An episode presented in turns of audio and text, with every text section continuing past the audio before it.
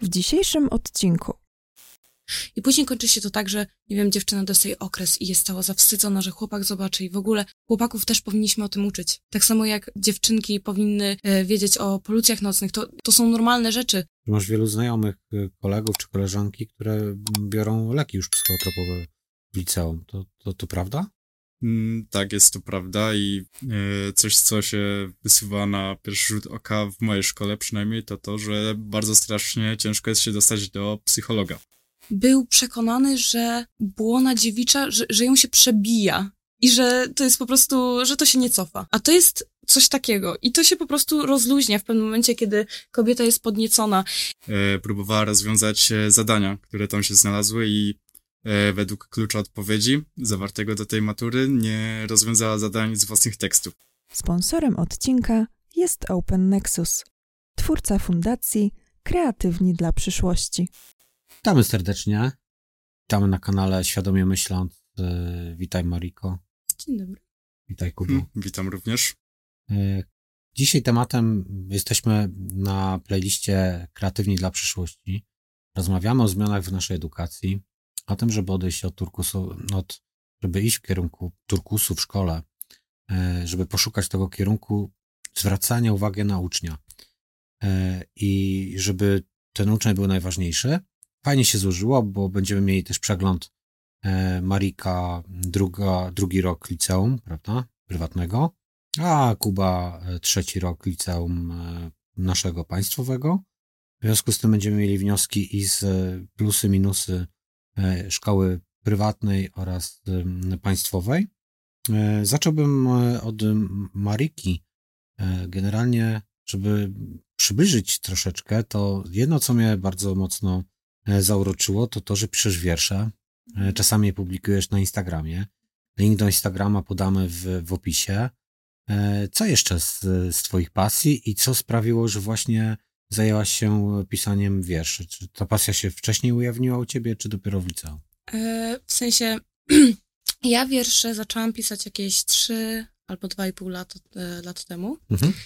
E, I mm, tak naprawdę cały czas się rozwijam i proszę polonistki o pomoc, o jakieś uwagi i w ogóle, bo tak naprawdę takim właśnie moim marzeniem jest wydanie książki z wierszami. E, a zaczęło się w sumie tak, że po prostu e, zaczęłam wylewać swoje emocje na papier i zauważyłam, że to może mieć e, jakiś taki fajniejszy wydźwięk niż w sumie po prostu jakieś tam zdania napisane, że mogłabym zacząć pisać coś, żeby coś nie było takie bardziej bezpośrednie, żeby ktoś mógł też odebrać to inaczej, tak jak tamta osoba chce to odebrać, Mhm. bo wiersze właśnie na tym polegają, że mm, jak piszesz wiersz, to ty piszesz o swoim przeżyciu i o swoich uczuciach, o swoich emocjach, ale druga osoba może to odebrać zupełnie inaczej i obydwie rzeczy są poprawne. I właśnie. E, To jest super, co poruszyłaś, to, bo mm, był, nie wiem, czy to Kuba, właśnie nie, nie, nie ty mi mówisz w tym przykładzie, że ktoś interpretował wiersz, a Szymborska e, interpretowała własny wiersz i nie dostałaby punktu. Tak, była, e, był to e, bardzo śmieszny przypadek, w którym e, z, przeczytałem to w internecie, gdzie e, Szymborska jako e, autor swoich tekstów, które pojawiły się na jednej maturze próbnej, e, próbowała rozwiązać e, zadania, które tam się znalazły i e, według klucza odpowiedzi zawartego do tej matury nie rozwiązała zadań z własnych tekstów. No właśnie, to jest fajna, fajną rzecz poruszyłaś, że tu jest interpretacja generalnie nasza i, i każdy może mieć trochę inną i to jest fajne, myślę, że, że, że w tym wszystkim, że możemy doszukać tam cząstkę siebie i to nie musimy zawsze domyślać się, co autor miał na myśli, a nasza szkoła nas często mm, do tego popycha, przynajmniej y, ta, ta, ta klasyczna. Wrócimy do tego. A masz jakieś jeszcze inne, inne pasje? Takie y, życiowe, które, które cię napędzają? W sensie ja tak naprawdę we wszystkim jestem raczej amatorką, ale prowadzę korki z angielskiego, e, bo lubię angielski i e, zawsze mi gramatyka wychodziła, więc staram się jakby przekazywać tą wiedzę. I tak naprawdę jeszcze takim moim większym marzeniem był taniec, natomiast na ten moment nie rozwijałam się pod tym względem, raczej sama tańczę. Gdzieś tam e, w domu czasem jak mam czas, to sobie po prostu puszczam muzykę na słuchawkach i w sumie to tyle. Więc no, ale próbowałam bardzo wielu rzeczy i próbowałam właśnie odnaleźć siebie, jeżeli można to tak nazwać. I y, jestem też za to bardzo wdzięczna rodzicom, że, że właśnie dawali mi tyle możliwości. Super. E, a ciebie, Kuba, podziwiam tak z boku patrząc za przedsiębiorczość. E, wiem, że też e, montujesz wideo, chociażby z filmami podróżników, że trochę fotografią się interesujesz. No i też gdzieś tam moją pasję podzielasz, czyli imprezy. Często imprezujesz, w tym momencie spotykasz się towarzysko, udzielasz się w tej, tej kwestii. Co jeszcze z takich, takich pasji, które gdzieś tam u siebie rozwijasz? Co cię napędza? E, jeżeli chodzi o mnie, to tak jak właśnie wspomniałeś, e, montaż filmów, czy też e, fotografia, wykonywanie różnego typu sesji i też to imprezowanie, spotkanie ze znajomymi, to jest taka właściwie ucieczka i zresetowanie się od szkoły i uciek, ucieczka właśnie od obowiązków. Od codzienności. Tak, od codzienności, od obowiązku szkolnego. I myślę, że jest to bardzo ważne dla każdego z nas, aby odnaleźć się w tym przede wszystkim siebie i znaleźć zajęcia poza szkołą, które nas e, mogą zainspirować i poprowadzić też e, do przyszłości, do znalezienia późniejszej pracy albo do zajęcia się swoim, swoimi zainteresowaniami, e, swoim hobby. Hmm? A jeżeli jesteśmy przy, przy hobby, przy tym właśnie, co chcielibyście w przyszłości robić, to na tym etapie uważacie, że szkoła was przygotowała? Może od Maryki zaczniemy. E, czy uważasz, że szkoła cię przygotowała już na tym etapie, czy dalej nie wiesz, co chciałabyś robić? E, jak to wygląda z twojej e, perspektywy? Wydaje mi się, że raczej nie i to też jest coś, co raczej powinniśmy znaleźć sami. Mhm. Ja mam tak naprawdę no jakby trzy opcje i to jest, nie mogę się zdecydować między żadną z nich, ale chyba najbliżej mi do psychologa, Mm, bo ja się też trochę interesuję psychologią, ale chciałabym tak w sumie gdzieś tam jeszcze być stewardessą albo krytykiem filmowym. Okej, okay, czyli trzy różne, zupełnie niezwiązane ze sobą. Tak, dlatego to jest straszny, to jest naprawdę duży problem, żeby zdecydować się, w którą stronę iść po prostu, więc... Wiesz co, ale jest, podziwiam i tak naprawdę, bo w twoim wieku ja zupełnie nie byłem przygotowany do tego. Nie miałem aż takich rozmyślania u ciebie jak Kuba, czy masz już takie precyzowane myśli? E, na ten moment myślę, że e, poza tym, że myślałem o Politechnice gdzieś e, Wrocław, Gdańsk, to totalnie nie mam pojęcia jeszcze na jaki kierunek chciałbym uczęszczać. Staram się na ten moment to odkrywać właśnie, między innymi spełniając te swoje pasje i wykonując, wykonując zadania także poza szkołą różne, które sobie sam wyznaczam. I staram się, aby w końcu mm, zrozumieć to, na jaki chciałbym iść kierunek studiów i myślę, że do końca szkoły y, taką decyzję już y, na pewno podejmę. Ale o pracy jeszcze nie, nie myślałeś aż tak daleko, jaki zawód będziesz realizował? Myślę, że na ten moment y, totalnie nie byłbym w stanie odpowiedzieć na to pytanie i wszystko jest jeszcze w takim procesie rozmyślania na ten temat dopiero. Wybrałeś sobie bardziej kierunek, czyli kierunek, gdzie są lepsze imprezy i uznajesz, że nie Poznań, tylko Wrocław albo Gdańsk, tak? E, jeżeli chodzi o mój kierunek, to myślę, że... W e, Wrocławiu podobno dużo się dzieje cały czas, więc...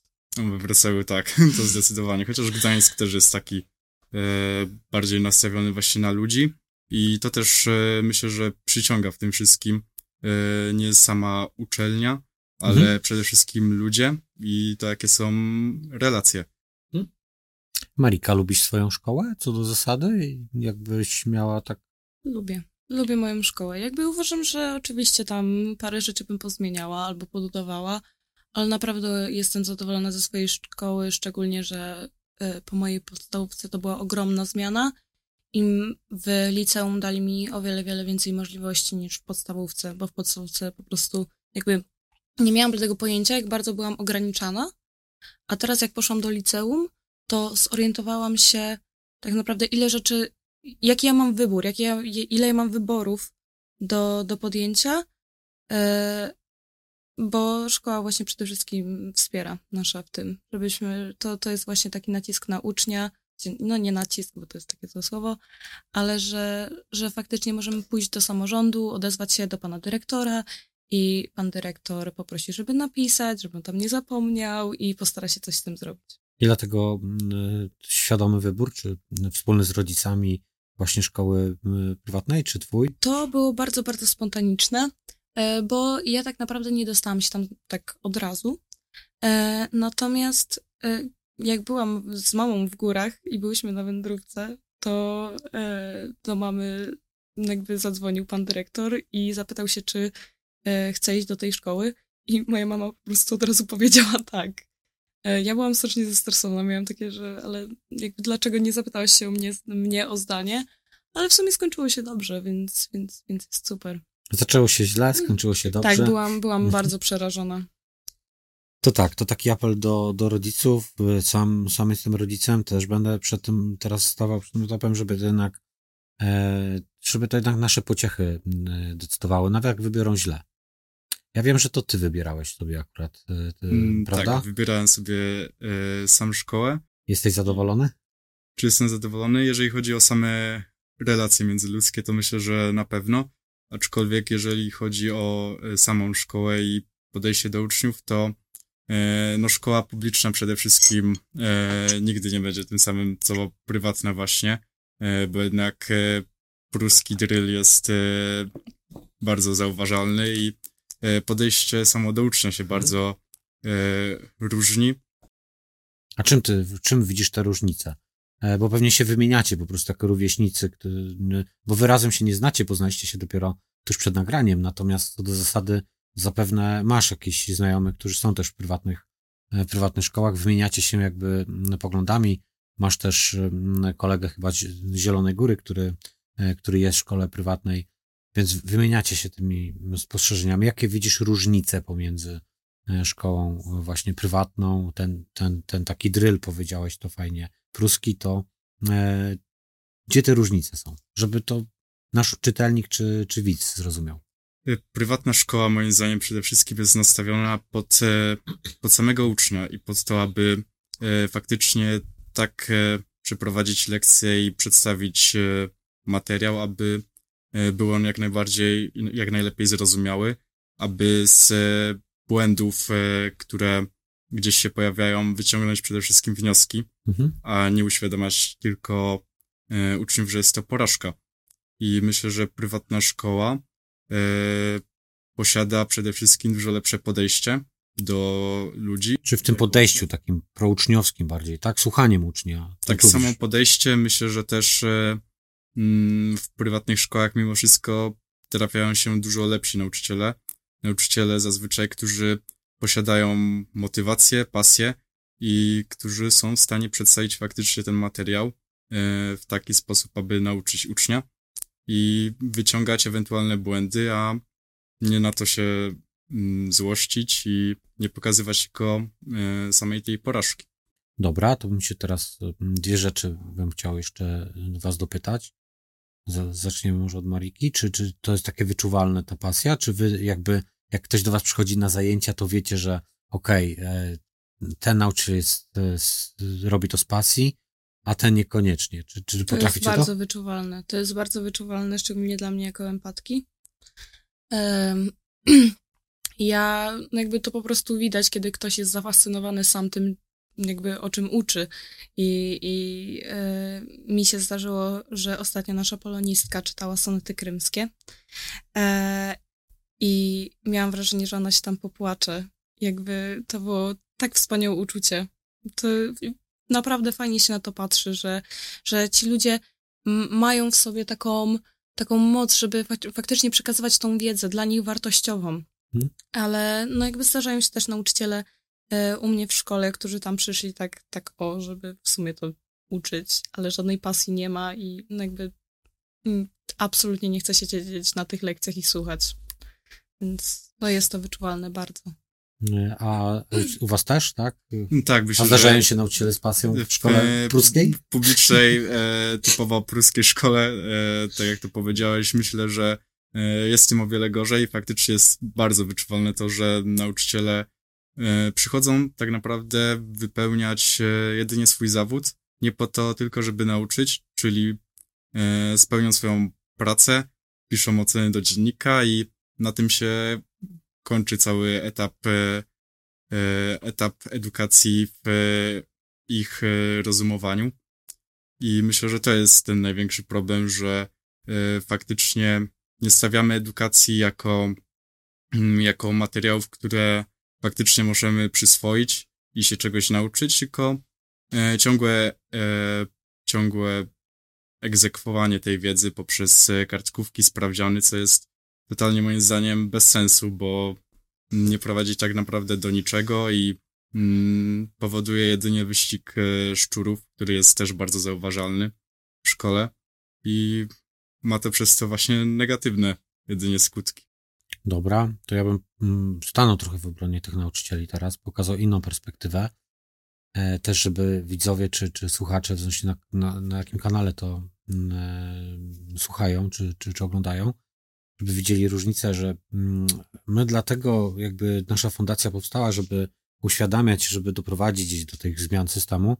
No, nauczyciele trafiają do szkoły, oni nieraz mogą nawet trafić z pasją.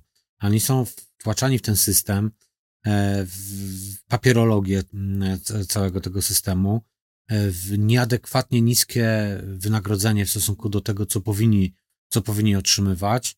E, to wszystko rodzi frustrację i to mm, często... To jest naturalne, że po prostu w pewnym momencie mi się przestaje chcieć. Tak, tak, tak. I my dlatego dążymy do tego, żeby zmienić cały system, żeby właśnie też użyć przede wszystkim też nauczycielom. Mm, oczywiście, że część z nich e, nie powinna uczyć, e, powinna wybrać świadomie jakieś inne, inne zajęcie, bo nikt nimi nie pokierował, to jest naturalne, e, ale oczywiście wtedy stawiać na tych najlepszych, na tych, którzy, którym się chce, którzy, e, którzy z pasji mm, e, to robią, bo tak jak fajnie to określiłaś. Akurat twoja empatia powoduje, że ty to fajnie wyczuwasz, bo my się potrafimy nauczyć, jak jesteśmy A, nastawieni na ucznia i dwa, wyzwalamy emocje, bo te emocje decydują o, o tym, czy do, dojdzie do działania, czy będziemy w stanie zastosować tego, to, z czego się nauczyliśmy. I 100% na, na działania wpływają emocje. Kiedy ja pierwszy raz się o tym dowiedziałem, profesor Rome od, od mózgu o tym mówił, E, to byłem zaskoczony, bo mówię, jak to, nie rozum? Nie, rozum jakby wpływa tylko na emocje, ewentualnie tłumaczy podjęte decyzje nasze pod wpływem emocji, czyli racjonalizuje je, natomiast faktycznie emocje. To ważne jest, żeby tych emocji nie brakowało w szkole. E, a kiedy one mogą być? Kiedy właśnie ktoś czyta wiersz, e, czy, czy, czy, czy cokolwiek innego, czy poezję, czy książkę, no nieważne, czy nawet opowiada o geografii, o historii, o polskim, o matematyce, to robi to z pasji. E, ja nie zapomnę do tej pory wykładu e, szalonego profesora na Politechnice z matematyki, który e, z fascynacją całkach nam opowiadał, trzymając tą, tą ścierkę w ręku i powiedział, że jakbyście zmierzyli to pole i, i zaczął nam objaśniać, jakby po co te całki, dlaczego, e, jakie to fascynujące odkrycie. E, więc to on tym całym podejściem już zarażał do, do, do tego, żeby faktycznie zainteresować się, że uczymy się czegoś nie całek, tylko uczymy się czegoś, co po coś służy, do czego zostało wymyślone. Więc jak najwięcej pasji. Mm, e, właśnie mm, trzeba też e, pokazać, że ci nauczyciele też są w tym systemie, źle się czują. I, i, i czy to jest tam, wiadomo, w szkole prywatnej jest łatwiej, bo jest ten dyrektor, jest to nastawienie na ucznia. No dlaczego? No bo szkoła prywatna jest biznesowa. Czyli jeżeli nie będzie miała uczniów, którzy chcą przyjść, którzy są wymagający, oczekują czegoś jakby, bo idąc do szkoły prywatnej czegoś oczekujemy, no to nie będzie przychodu i nie będzie się czego utrzymać, więc jest to mocniejsze nastawienie na rynek. Tak jak z firmą to jest. Czyli jeżeli firma źle dostarcza złe produkty, albo niewłaściwej jakości, albo ma zły serwis, to zostanie szybko zweryfikowana na rynku. I ta weryfikacja w szkole prywatnej następuje bardzo szybko e, i dlatego właśnie to nastawienie na ucznia. Na no szkole państwowej niekoniecznie, no bo tutaj jakby E, klientem nie jest e, uczeń, tylko mm, nie wiadomo kto w zasadzie w tym systemie. To jest taki bezduszny, bezduszny system. A jakbyście mieli pokazać teraz, żeby nie, bo było trochę jakby o szkole pruskiej pesymistycznie, ale ty już też przemyśl jakby co ci się podoba, jakbyś miał. Zaczniemy oczywiście, bo to łatwiejsze będzie zadanie od Mariki. Mariko, co ci się najbardziej podoba w twojej szkole? tak top 3 maksymalnie. Takie trzy najważniejsze rzeczy, które, e, które byś wskazała innym, jakby mieli decydować. No to to są właśnie ci nauczyciele z pasją przede wszystkim. Mhm. To jest coś, na co ja najbardziej zwracam uwagę, bo, bo ja tak naprawdę się uczę siedząc i słuchając na lekcjach. Mhm. Bo ja siedząc w domu tak naprawdę o wiele mniej jest, jestem w stanie się nauczyć i wolę siedzieć, słuchać na lekcjach i, i w ten sposób, e, jak nauczyciele przekazują wiedzę, to o wiele więcej zapamiętam. Um, taka, nie wiem, to top 3, no to top 2, to myślę, że byłoby to, że w naszej szkole nie ma czegoś takiego, że przynajmniej ja tego nie odczułam, że jest takie podzielenie e, wiekowe, że ja mam znajomych i z klasy maturalnej, i z trzeciej klasy, i z drugiej klasy, i z pierwszej klasy, mam po prostu znajomych z, z każdej klasy i nie ma czegoś takiego, że wiek ma znaczenie. A pamiętam, że w mojej podstawówce miało ogromne znaczenie. Jak, jak mm, próbowałeś zagadać do osoby starszej, to od razu patrzyła na ciebie krzywym wzrokiem. E, Hierarchia. No, trochę tak, trochę tak. A właśnie w tej szkole to jest, to jest takie fajne, że, że nie ma, nie ma czegoś takiego, Mhm. że, że się krzywo na ciebie spojrzy druga osoba. Tylko po prostu też zagada. Em, I e, wydaje mi się, że tak top, e, to ostatnie, top 3, to m, właśnie wzięłabym to, że nie zwracają uwagi na ubiór. To jest bardzo ważne, bo ja jak chodziłam do podstawówki, to tak naprawdę zwracałam ogromną uwagę na to, żeby mieć e, spódniczkę za kolano, spodenki za kolano, żeby nie mieć e, spodni z dziurami, żeby ramionczka nie były, nieważne ile było stopni, jaka była pogoda, nie mogłeś. I e, ale no, chciałeś mieć dobre zachowanie, więc i nie chciałeś trafić do dyrektora, więc mm, zwracałeś na to uwagę i przychodzisz na lekcję i, i tak potrafią zwrócić ci uwagę na, na to, że ramionczka są za krótkie yy, albo, albo właśnie spódniczka za krótka. Yy, A nie jest to wykorzystywane teraz w tej szkole, jak obserwujesz? Właśnie nie. To jest super, że oni już na początku, na wstępie, e, powiedzieli nam, że mamy wolną rękę na odkrywanie naszego własnego stylu. I to jest super. To jest naprawdę świetne, bo no jakby liceum to jest miejsce, no, w którym dojrzewamy, wychowujemy się i, i odnajdujemy siebie. I no jednak styl ubioru to też jest w jakiś sposób odnajdywanie siebie. E, i właśnie to jest super, że skupiają się na tym, żeby przekazywać wiedzę, a nie na ubiorze, bo w mojej podstawówce było zupełnie inaczej. Odwrotnie. Mhm. Co tutaj wymyśliłeś te top 3? E, Myślę, że przede wszystkim e, to, co w mojej szkole można dostrzec, jeżeli chodzi o e, pozytywy, to e, liczne prace w grupach, projekty, prezentacje i to przede wszystkim, jeżeli chodzi o przedmioty podstawowe, czyli nie, nie wykorzystywanie też tych przedmiotów jako, jako bezlitosne sprawdzanie wiedzy jedynie, ale faktycznie można się czegoś nauczyć poprzez taką zabawę, pracę w grupach i Mhm. e, wykonywanie różnego typu projektów i myślę, że jest to o tyle lepsze, że e, faktycznie możemy się danym przedmiotem zainspirować, czegoś przy okazji nauczyć, a nie musimy siedzieć godzinami e, oprócz przedmiotów wiodących nad, e, nad książkami i zakuwać i kodować e, te informacje, które nam się totalnie w e, przyszłości nie przydadzą. Myślę, że to jest taka najważniejsza rzecz i mm, faktycznie bardzo pomocna dla wszystkich e, uczniów, bo możemy się skupić e, w tej szkole też na tym, co jest dla nas ważne, dla naszym profilu, który został przez nas wybrany, a nie także na przedmiotach, które totalnie nas nie interesują. To statystycznie 90% e, zapamiętujemy z tego, co sami zrobiliśmy, a 10% z wykładu. Czyli jak ktoś do nas mówi, to już jest ta statystyka i to zauważalne. Dobra, to jest top 1. Co jeszcze?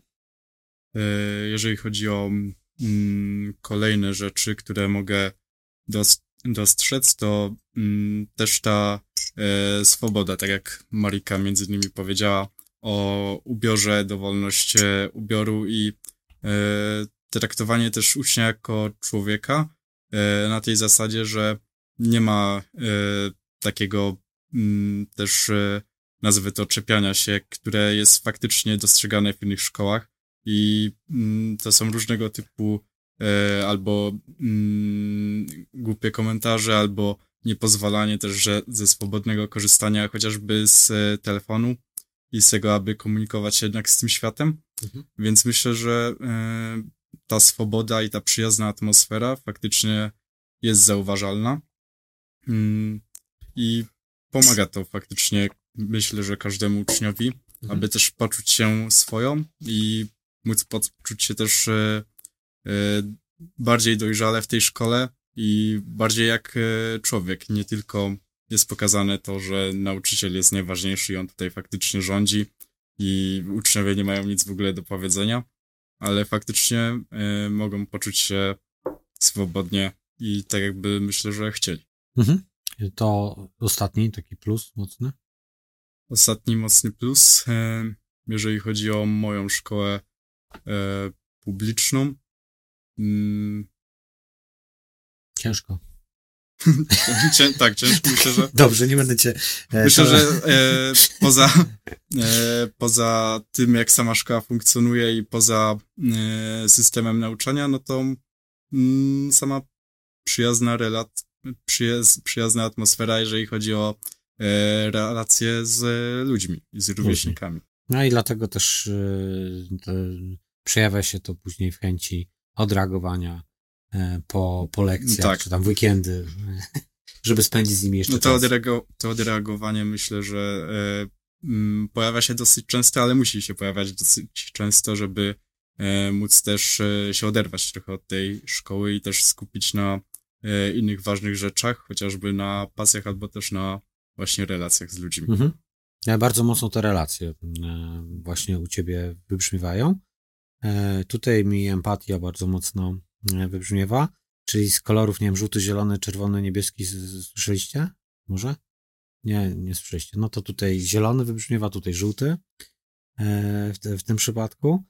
Więc teraz tak, jakbym miał tak, zresztą polecam zrobić sobie, bo to jest jakby gdzieś próba e, kolory. Erik, e, Erikson e, e, Otoczeni przez idiotów książka, e, żeby tytuł kontrowersyjny, zdaję sobie sprawę, ale Moja przyjaciółka mi polecała tą książkę. E, Mam audiobooka, jakbyście, jakbyście chcieli. E, Więc tak, e, zacznę od, od tego może, żebyście wymienili, od y, Mariki zaczniemy. Co dla ciebie jest takim najlepszą metodą nauczania? Jakbyś miała tak wskazać, jak się najefektywniej uczysz, jak, jak patrzysz ze swojej perspektywy, e, to, to co, co to by było te top 1? No to tak jak mówiłam, właśnie głównie to jest to siedzenie i słuchanie na lekcjach. Natomiast mm, no, dość dużym problemem jest, są, są rozmowy na lekcjach. Bo ja rozumiem, że e, towarzystwo, e, towarzystwo i w ogóle, że, że rozmowy, że fajnie sobie pogadać, ale mm, no jednak jak taka ja przychodzę na lekcje i ja po prostu nie potrafię się uczyć sama w domu i ja po prostu słucham na lekcjach i ja z lekcji wynoszę, to, to jest strasznie problematyczne.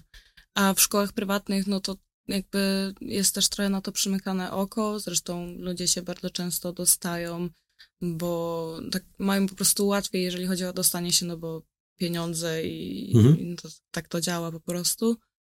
Mm, I nie każdy chce, mm, chce się rozwijać, bo No, ja, ja poszłam do tej szkoły z ogromną nadzieją, bo to jest szkoła językowa.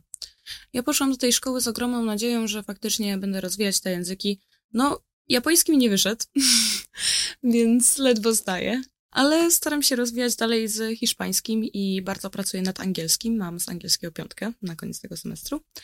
Em, no i przyszłam i poziom klasy pokazuje perfekcyjnie, że ci ludzie dostali się tam tylko i wyłącznie ze względu na łatwość, na dostania się po prostu do tej szkoły, a niekoniecznie na to, że chcą się uczyć.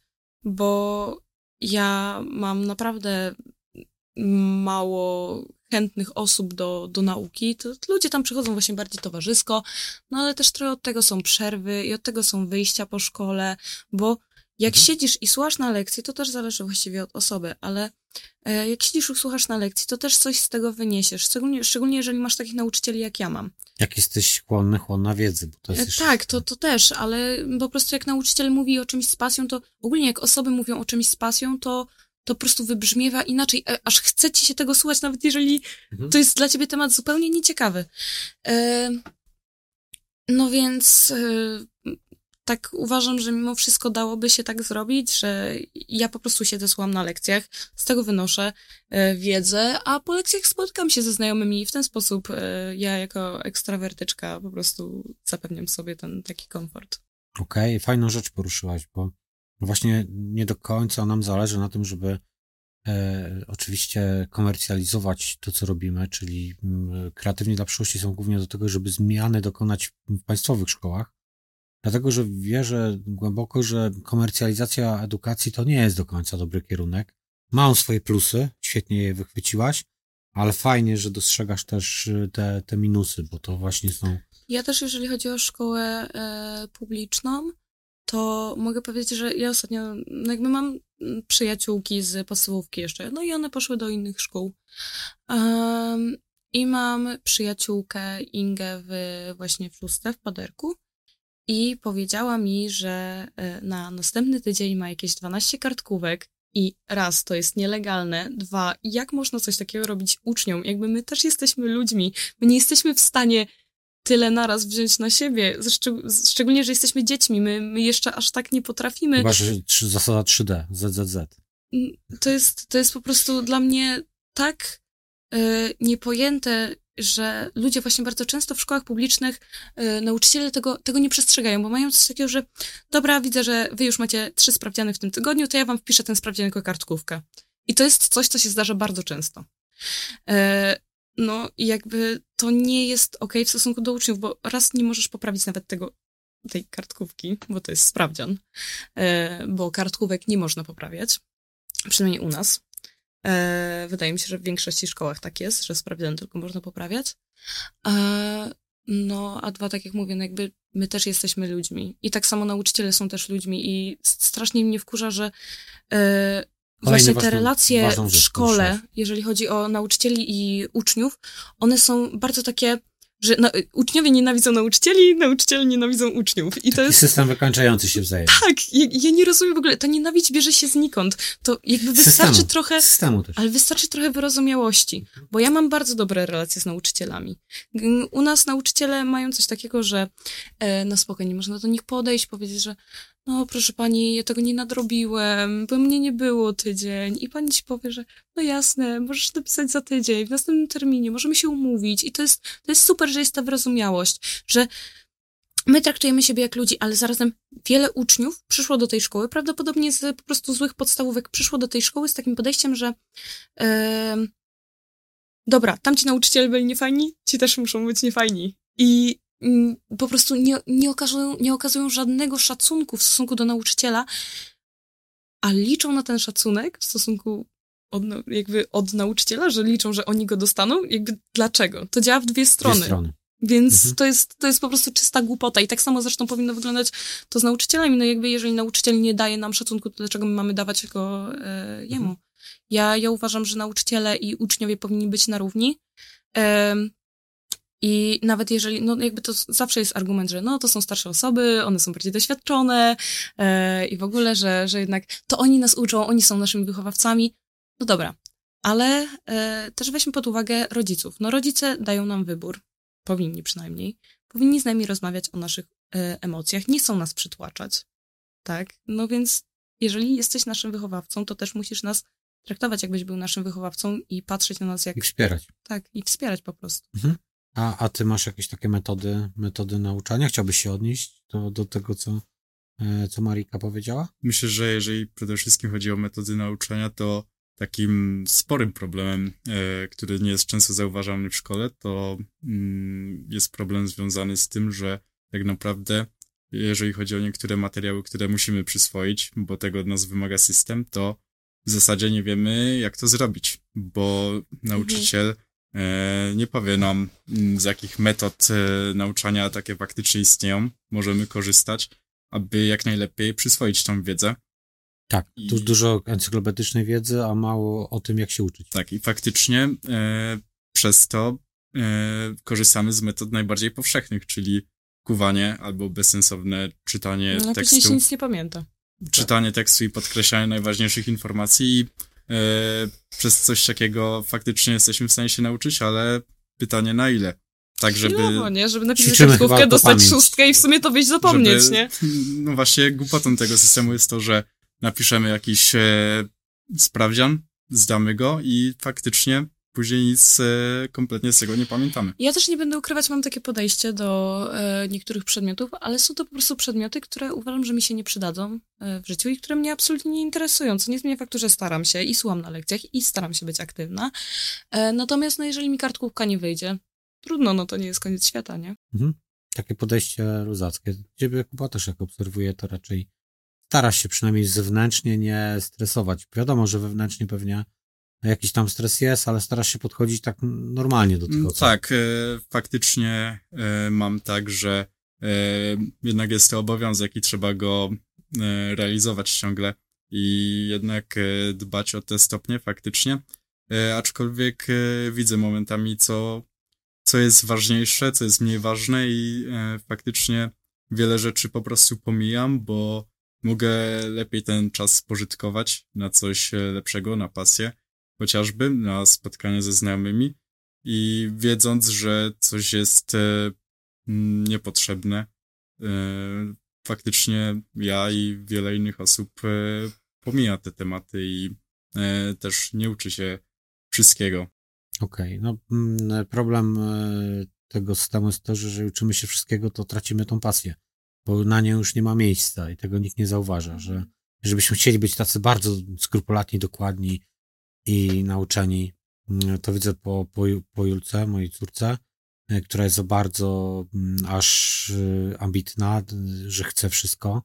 Bardzo fajna cecha też, oczywiście ja, ja ją doceniam i tylko boję się, obawiam się o nią po prostu, że ona w, dłuż, w długim terminie mm, straci swoje pasje, straci to co, to, co najważniejsze. Więc tutaj myślę, że taki apel gorący, żeby też rodzice rozumieli, żeby gdzieś to, wiadomo, że nie chodzi o tą drugą skrajność. Nie absolutnie, tylko chodzi o to, żeby mm, zau- zauważyć, że ten system nie do końca jest e, dobrze działający i prawidłowy. Chciałbym poruszyć jeszcze jeden ważny, ważną rzecz e, odnośnie statystyk e, prób samobójczych. Same statystyki to nie jest jakiś tam coś takiego mocnego, bo w 2021 to było niecałe 1500 mm, osób, e, które poniżej 18 roku próbowało popełnić, ale to są stwierdzone, które były zgłoszone. No, no i właśnie. wszystkie są zgłaszane. Właśnie. I teraz y, jak WHO to badało, to twierdzi, że to jest y, od 12 tysięcy do 25 tysięcy w tych przedziale. Że to jest, i to bliżej 25 tysięcy niż, y, niż tych 12, czyli jak, jakby to było 25 tysięcy prób samobójczych w ciągu roku 2021, no to to już jest przerażająca statystyka. Mm, Jak z waszej perspektywy, co, co jest przyczyną, że, że, że młodzi targają się na swoje, na swoje życie? No, jakby jest wiele powodów i mogą być to zwyczajne zaburzenia jakieś tam e, psychiczne, ale e, nie będę ukrywać, dość właśnie dużym problemem jest to, że szkoła po prostu strasznie przytłacza. I co do tej pasji, no to po prostu nie pozwala nam się rozwijać, n- nie pozwala. E, problem, problemem moim zdaniem są zadania domowe. Bo jak dostajemy e, nie wiem ile zadań domowych, to później siedzimy nad tymi zadaniami domowymi, żeby nie dostać jedynki i nie mamy kompletnie czasu, żeby rozwijać faktycznie to, co w nas po prostu aż się wyrywa, tak? I no i jak to, to coś próbuje się wyrwać, to jeżeli my tego nie wypuścimy, to to nas rozerwie na strzępy. Mhm. E, I wydaje mi się, że to jest właśnie tego kwestia, że jakby my po prostu jesteśmy tak przytłaczani szkołą, że w pewnym momencie poddajemy się, nie, mówimy, że to nie jest dla nas, to, to nie jest ten świat, to nie jest ten moment. Jeżeli my nie dajemy sobie rady, to w jaki sposób mamy dać sobie radę w przyszłości, kiedy, kiedy podobno ma być trudniej, bo tak nam mówią. E, ja też nie będę ukrywać, ja miałam próbę samobójczą. E, Ale s- ty miałaś? Czy... Miałam, miałam. E, teraz już jest dobrze. To przepraszam, że takie pytanie wprost. Nie, ale absolutnie, spokojnie. Nie, już jest dobrze. I ja też uważam, ja jestem osobą, dla której nie ma tematu tabu. Ja mogę rozmawiać o wszystkim. E, y, Nie wiedziałem akurat. w porządku. I głównym powodem była szkoła. I jest mi strasznie przykro właściwie to mówić, no bo szkoła, no tak jak mówię, powinna nas wychowywać, powinna nas wspierać, a zamiast tego, no kończy się to w taki sposób. Więc No. Cieszę się, że, że tutaj wszystko w porządku, że się udało, że, że jesteś z nami yy, i właśnie, że możesz się rozwijać. To też była przyczyna właśnie pójścia do tej szkoły yy, prywatnej, bo rozumiem, że to było wcześniej, tak? Ja Czy- nic nie wiedziałam o tej szkole, idąc do niej. Aha, okej. Więc to jest, to jest w ogóle strasznie śmieszne. Ale przyszłam, nie żałuję, jestem bardzo szczęśliwa. Znalazłam naprawdę fajnych znajomych, fajnych przyjaciół, więc... To więc może świadomość bardziej mamy w tym przypadku, jak Tak, opowiadałaś moja mama, moja mama zawsze wie, co dobre. E, tak, tak. Chociaż nie, nie należy tego nadwyrężać, bo jak nam się wydaje, to potem zaczynamy podejmować kogoś decyzję, więc No. warto zrobić faktycznie. Moja mama od małego dawała mi wybór, więc... mm, Widać, widać zresztą, ma, masz te pasje, odkrywasz je i to jest, to jest świetne. E, więc dobrze. A Kuba, co ty? Co, co Myślę, że e, coś, co się wysuwa na pierwszy rzut oka w mojej szkole przynajmniej, to to, że bardzo strasznie ciężko jest się dostać do psychologa. I mm, to przez to, że... Ale psychologa szkolnego, czy? E, Psychologa, tak, szkolnego, aczkolwiek psycholog szkolny działa w ten sposób, że e, miasto wyznacza jakby konkretny przedział godzin pracy psychologa w danej szkole i faktycznie na ilość, e, u mnie to jest chyba, nie wiem, czy 5 godzin w tygodniu, nie chcę teraz skłamać, ale e, takie dane właśnie zapamiętałem, a mm, przy liczbie osób, które uczęszcza do mojej szkoły, gdzie jest to blisko mm, około 650-700 e, uczniów, to jest to strasznie mało, co widać o przez... Jezu. 5 razy 50, y, tak tygodni, to jest to jest y, 250 y, uczniów, ma, y, jedną godzinę by mogło się spotkać maksymalnie.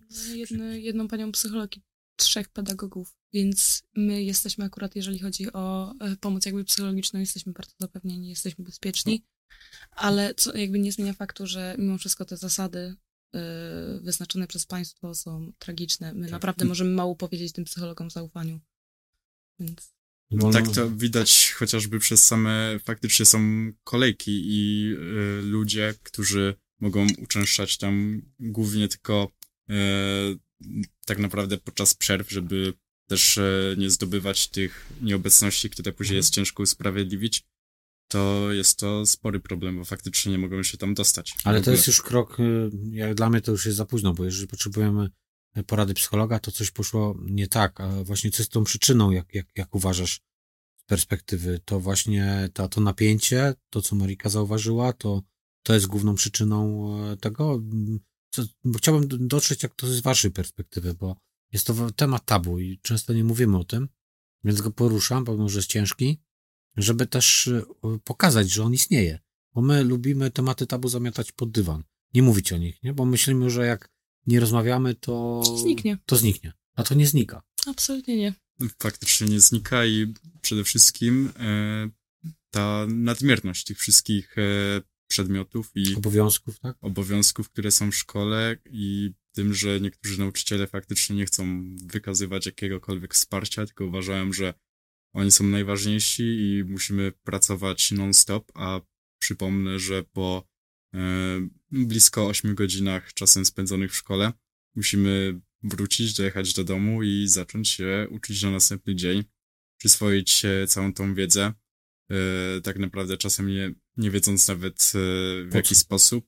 I po Często- co? I po co? Często przychodzimy także na sprawdzian, okazuje się, że e, mm, pomimo tego, że się uczyliśmy, to nie jesteśmy w stanie tego rozwiązać, bo jednak testy też e, weryfikują i są faktycznie też e, pomocne przy samym procesie uczenia się, bo dopiero wtedy my, kiedy już musimy napisać taki test i stajemy przed nim, to możemy wyłapać nasze ewentualne błędy. Wcześniej nie jesteśmy tego w stanie zrobić, a jak już e, poniesiemy porażkę na teście, dostajemy wtedy negatywną ocenę i to powoduje też stres, a same oceny też powodują ten wyścig szczurów, który jest bardzo zauważalny i to wszystko, natłok tych wszystkich właśnie elementów, spraw nam powoduje, że nie, czasami nie dajemy sobie rady z tym wszystkim. Okej. E, Ciężki, trudny temat. E, e, Wspominałeś też, jak, jak rozmawialiśmy przed nagraniem, że masz wielu znajomych, kolegów czy koleżanki, które biorą leki już psychotropowe w liceum. To, to, to prawda? Mm, Tak, jest to prawda i faktycznie są to e, są to tego typu leki, antydepresanty też mm, i robią to po to, żeby dać sobie jakkolwiek z tym radę, bo faktycznie nie wytrzymują tego natłoku, tego skupiania się na wszystkim i tak naprawdę kodowania, jedynie kodowania informacji, nie patrząc na czy nas dany temat interesuje, czy nie, tylko skupianie się na tym, żeby jak najwięcej zapamiętać i nawet nie, żeby jak najwięcej wynieść, tylko po prostu, żeby zaliczyć każdy test, zdobyć jak najlepsze oceny i to jest taki błąd tego systemu powodujący bezlitosny wyścig. To, co obserwuję już na, na, na zakończenie tego wywiadu, żeby tak podsumować, to, co obserwuję, to, to chciałem was, wam też bardzo pogratulować, bo e, w stosunku nawet do, do, do mnie, to byłem dużo mniej dojrzały w waszym wieku, e, mniej świadomy, nie realizowałem tak pasji, poza powiedzmy imprezami, to trudno nazwać pasją. E, I to jest fajne, że pomimo tego, mm, że dostrzegacie pewne minusy i jesteście z dwóch różnych światów, czyli i szkoła państwowa i prywatna, to mimo to właśnie wybrzmiewa u was, że macie, szukacie ty, tych pasji. Mm, i to mnie naprawdę, napawa optymizmem, e, że tak niedużo potrzeba, żebyśmy zmienili ten system, bo, bo, bo jest, y, nie zatraciliście pomimo tego e, tej potrzeby zdobywania w sobie tego, co, co najważniejsze i to jest fajne. E, bardzo szczerze wam gratuluję i cieszę się, że miałem okazję was poznać. Czy ja jestem w stanie poruszyć jeszcze jeden temat? Oczywiście, że tak. E, ja bym bardzo chciała poruszyć e, temat jeszcze jeden tabu, czyli edukacja seksualna. Mhm. Uważam, że to jest bardzo potrzebne, bo ja ogólnie jestem też bardzo wdzięczna mojej mamie, która e, dała mi książkę seksedpd.pl i ta książka naprawdę dała mi wszystkie informacje, które wtedy potrzebowałam, żeby trochę nauczyć się o seksie, w jaki sposób to wygląda, no bo też nie będę ukrywać w tym momencie dzieci, po prostu dzieci znajdują pornografię i na tym się uczą. I to jest, y, no, kończy się później tragicznie, nie wiem, uzależnieniem, od masturbacji albo od seksu, y, albo, albo zwyczajnie od pornografii i później też y, na pornografii jest bardzo dużo przemocy, więc mm, a jakby seks wcale nie musi tak wyglądać. I też o samej seksualności nas nie uczą, o, o, o tym, y, w jaki sposób faktycznie rozpoznać, y, jaką płeć preferujemy, czy w ogóle preferujemy jakąkolwiek płeć, bo są też takie osoby, które po prostu są aromantyczne albo aseksualne. I brakuje mi czegoś takiego w szkole, bo mm, spotkałam starszego znajomego, który był przekonany, on tam miał ponad 20 lat, bo ja też mam takich znajomych, e, który był przekonany, że e, błona dziewicza, że, że ją się przebija i że to jest po prostu, że to się nie cofa. A to jest coś takiego. I to się po prostu rozluźnia w pewnym momencie, kiedy kobieta jest podniecona i e, tego się nie da przebić, niektóre kobiety się rodzą bez niej i dwudziestolatek tego jakby nie miał świadomości. I to po prostu pokazuje, jak edukacja seksualna w Polsce umiera już od dłuższego czasu zresztą, bo to jest coś, czego my naprawdę potrzebujemy, bo dzieci, no naprawdę mamy teraz już taki dostęp do internetu, że to jest zwyczajnie krzywdzące, że uczą się z filmów. E, tak, pornograficznych, pornograficznych. Takich, takich przemocowych, takich brutalnych i, i słownictwo tam, w ogóle w jaki sposób to wszystko jest pokazane. Później mamy jeszcze kompleks na temat swojego własnego ciała, bo to, to wszystko to jest tak naprawdę gra aktorska. To nie jest prawda. Jak seks nie wygląda. I, ale dzieci nie zdają sobie z tego sprawy, bo nikt im tego nie wytłumaczy. Dlatego uważam, że edukacja seksualna w Polsce jest naprawdę bardzo potrzebna i to, to nie jest żadna demoralizacja dzieci. Demoralizacją dzieci jest właśnie to, że ich tego nie uczymy, bo później te dzieci później wychodzą na mm, takich, że no jakby mogą, może im się zwyczajnie stać krzywda, albo mogą komuś zrobić krzywdę. Powiem szczerze, że jestem bardzo mm, słabym ekspertem w tym obszarze. Nie wiem, jak to powinno wyglądać. Natomiast uważam, że sama edukacja seksualna bez połączenia, e, my mamy w ogóle mm, utratę wartości generalnie na świecie, w społeczeństwie. E, które jest zdemoralizowane, nie ma, nie ma pewnego. Więc e, jeżeli już nawet e, powinniśmy edukować seksualnie, bo też jestem za tym, wolałbym, żeby się uczono tego mm, w sposób cywilizowany niż z internetu, to jest tam w połączeniu z wartościami. Nas też wartości nikt nie uczy. Po co są wartości? Dlaczego? Co, o czym one decydują? Że decydują o tym, czy będziemy szczęśliwi w życiu, czy nie. O tym, jakie drogi będziemy wybierali. Czyli jakby ten cały, całe drzewko, które zdecyduje o tym, czy osiągniemy szczęście w życiu, czy będziemy szczęśliwi, jeżeli to jest rzeczywiście to, co jest najważniejsze dla nas. Jeżeli to nie jest kasa, jeżeli to nie jest cokolwiek jakiś e, super sukces, który ktoś chce osiągnąć, żeby mu koledzy, czy ego powiedzmy, po podniesieniu to uważam, że to miałoby sens w połączeniu z systemem wartości. E, problem jest e, taki, jak ja obserwuję, że w drugą stronę, że nastolatkom, czy, czy, czy, czy w ogóle młodzieży wciska się propagandę na siłę nawet LGBT, bo ja to też obserwuję, e, i ludzie mają rozdwojenie jaźni, czy raz, to, raz są dziewczynką, raz chłopcem, że to też to jest, jest problem. To, to w pewnym momencie stało się modne. modne I, tak. I ja też przez długi czas myślałam, że, że ja też lubię dziewczyny przez to, że po prostu miałam taki nacisk. Miałam wrażenie, że mam nacisk od społeczeństwa i od osób, z którymi się trzymam. Wcale nie. Jakby teraz stwierdziłam, że wcale nie lubię dziewczyn i nic takiego. Jakby ja jestem raczej mimo wszystko romantycznie w stronę e, zwyczajnie mężczyzn i, i, i, nie ma czegoś takiego. Ale, Ale powinniśmy o tym mówić, bo tu masz rację. Mm -hmm, to po prostu w pewnym momencie stało się to... modne i, i to... Tak, to jest wręcz presja. Ja, ja mam taką e, osobę, która nie zgodziła się akurat wystąpić, ale ona w klasie chyba na 15 osób, tylko jedna jest normalna. Jedna osoba. Twierdzi, że jest, e, jest normalna płciowo. płciowo.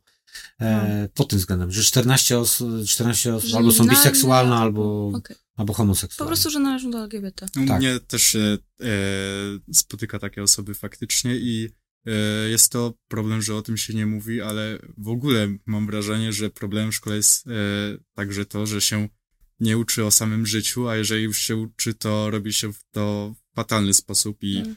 E, tutaj można wielokrotnie wymieniać chociażby też e, lekcje przedsiębiorczości, które e, są moim zdaniem prowadzone fatalnie. Wiecie, bo to tak jak, nie wiem, chciałbym nauczyć kogo, chciałbym napisać instrukcję jak kopać rowy, ale nigdy łopaty nie trzymałem w ręku. Tak i właśnie. Samo właśnie tak u nas edukacja wygląda, że jakiś minister siada i uważa, że jakby ustawą, rozporządzeniem, czyli wprowadzeniem przedmiotu do szkoły e, rozwiąże problem. No. Sam minister, który wymyśla te ustawy, nigdy tak naprawdę nie pracował w szkole i nie wie, jak to wygląda tak, wewnątrz. Tak, tak. Czyli bardziej praktycznej wiedzy też nam potrzeba już na koniec, ale fajnie, że ten temat poruszyłaś. I to też WDŻ w podstawówce, pamiętam, że ja osobiście uważam, że WDŻ powinien być prowadzony e, wspólnie, bo bardzo często jest po prostu podzielony na dziewczyny i chłopców. I później kończy się to tak, że, nie wiem, dziewczyna dostaje okres i jest cała zawstydzona, że chłopak zobaczy i w ogóle chłopaków też powinniśmy o tym uczyć. Tak samo jak yy, dziewczynki powinny yy, wiedzieć o polucjach nocnych, to jakby to, to, są, to są normalne rzeczy. I później wychodzą z tego jakieś głupie żarty albo yy, właśnie wstyd i, mhm. i takie no, jakby niekomfortowe uczucia, jeżeli chodzi o mówienie o tym. To jest coś zupełnie naturalnego i po, jakby nawet nie, że powinniśmy o tym mówić, ale nie powinniśmy się bać o tym mówić. To jest coś naturalnego i, i Dlaczego? Tak, tylko jedyne właśnie, mm, to jest ten argument, ty poruszyłaś tutaj, że boimy się zdemoralizowania. Ja uważam tak, y, argument, kontrargument to jest większe zdemoralizowanie jest tam w internecie. Trzeba by to tylko mądrze zrobić, żeby nie faktycznie nie, nie, nie wiem, gdzie jest ten, bo to e, ta granica zależy od systemu wartości nauczyciela też. To jest, to jest ten, że jeden pójdzie w jedną stronę za bardzo, drugi ale na pewno coś się powinno z tym zrobić. To 100% ważny temat poruszasz. Nie wiem, w jakim kierunku e, to powinno podążać, bo mówię, nie jestem ekspertem. No, też nie można na przykład mm, dać, mm, nie wiem, nauczyciela od WF-u do uczenia WDŻ-u, coś takiego, no, to nie działa. E, tak, to nas uda. Takich przedmiotów to, co powinni, Kuba poruszył, tak. Takich przedmiotów powinni uczyć e, specjaliści, którzy mhm. faktycznie się tym zajmują na co dzień. Jeżeli już na przykład e, nauka przedsiębiorczości, to powinno się zapraszać osoby, które osiągnęły jakiś sukces, albo nawet nie sukces, bo nam się sukces źle kojarzy. Sukcesem to dla mnie jest ktoś, że prowadzi firmę przez 3 lata, czy przez 4, tak? To nie wiem, i to może być fryzjer, to może być e, piekarz, nie, nieważne. To są ludzie, którzy faktycznie mogą coś powiedzieć o przedsiębiorczości, bo ani to... Znają wiedzę praktyczną, nie tylko teoretyczną. Ale jeżeli właśnie chodzi o edukację seksualną, to uważam, że psycholodzy powinni to mimo wszystko prowadzić. W sensie mhm. seksuolodzy. Seksuolodzy. Tak, tak, Bo, bo coś takiego faktycznie mogłoby zadziałać. No bo mhm. oni rozumieją temat, znają temat i też mm, słyszeli dużo historii, są, są w stanie pomóc i wytłumaczyć. Więc y, Znaczy, ja tu wierzę w coś takiego, m, bo będzie bardzo ciężko z fachowcami, ale to może nam podzielić, bo ja wierzę w rozwiązania hybrydowej szkoły, czyli takie, gdzie najlepsze wyk- wykłady, najlep- wiedzę taką teoretyczną, która jest, y, opakowujemy tak, jak to robią youtuberzy, fajne, zgrabne odcinki z pasji, a do szkoły chodzimy tylko, żeby popracować w grupie, przećwiczyć pewne rzeczy, żeby, e, żeby interakcje społeczne złapać. Wtedy mamy tak naprawdę pełnię i zaliczamy to w, jakiej, w takiej formie, jakiej chcemy, czyli e, podchodzimy do przedmiotów rozszerzonych, podstawowych na różnym etapie. Tam, gdzie widzimy pasję, to, to, to, to mamy rozszerzony. Tam, gdzie tylko chcemy po prostu mm, przejść ten przedmiot, to mamy podstawowy.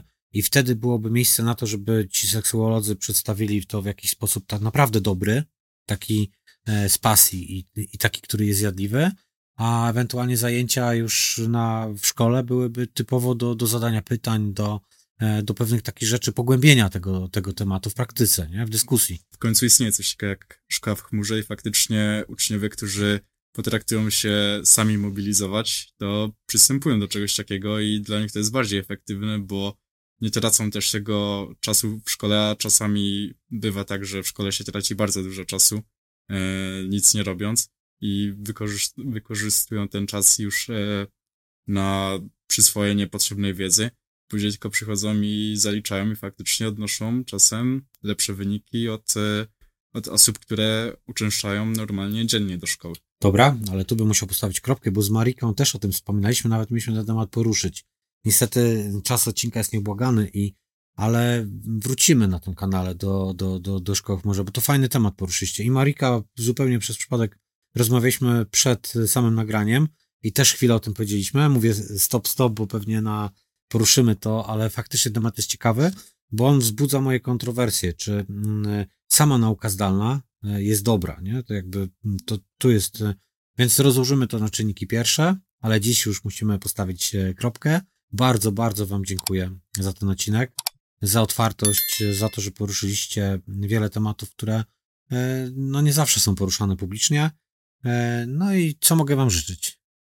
Czego byście chcieli na zakończenie? mm, fajnych nauczycieli. Fajnych nauczycieli. Nawet nie, nawet nie, że dobrych ocen, fajnych nauczycieli. Super. Jak najlepszej atmosfery też przede wszystkim. Mhm. Dobrze. E, czyli tego sobie życzmy, tego Wam życzmy, drodzy widzowie. No i zapraszamy na kolejny odcinek. A jeżeli chciałbyś wystąpić w programie, możesz napisać do nas link w opisie. Dziękujemy. Cześć.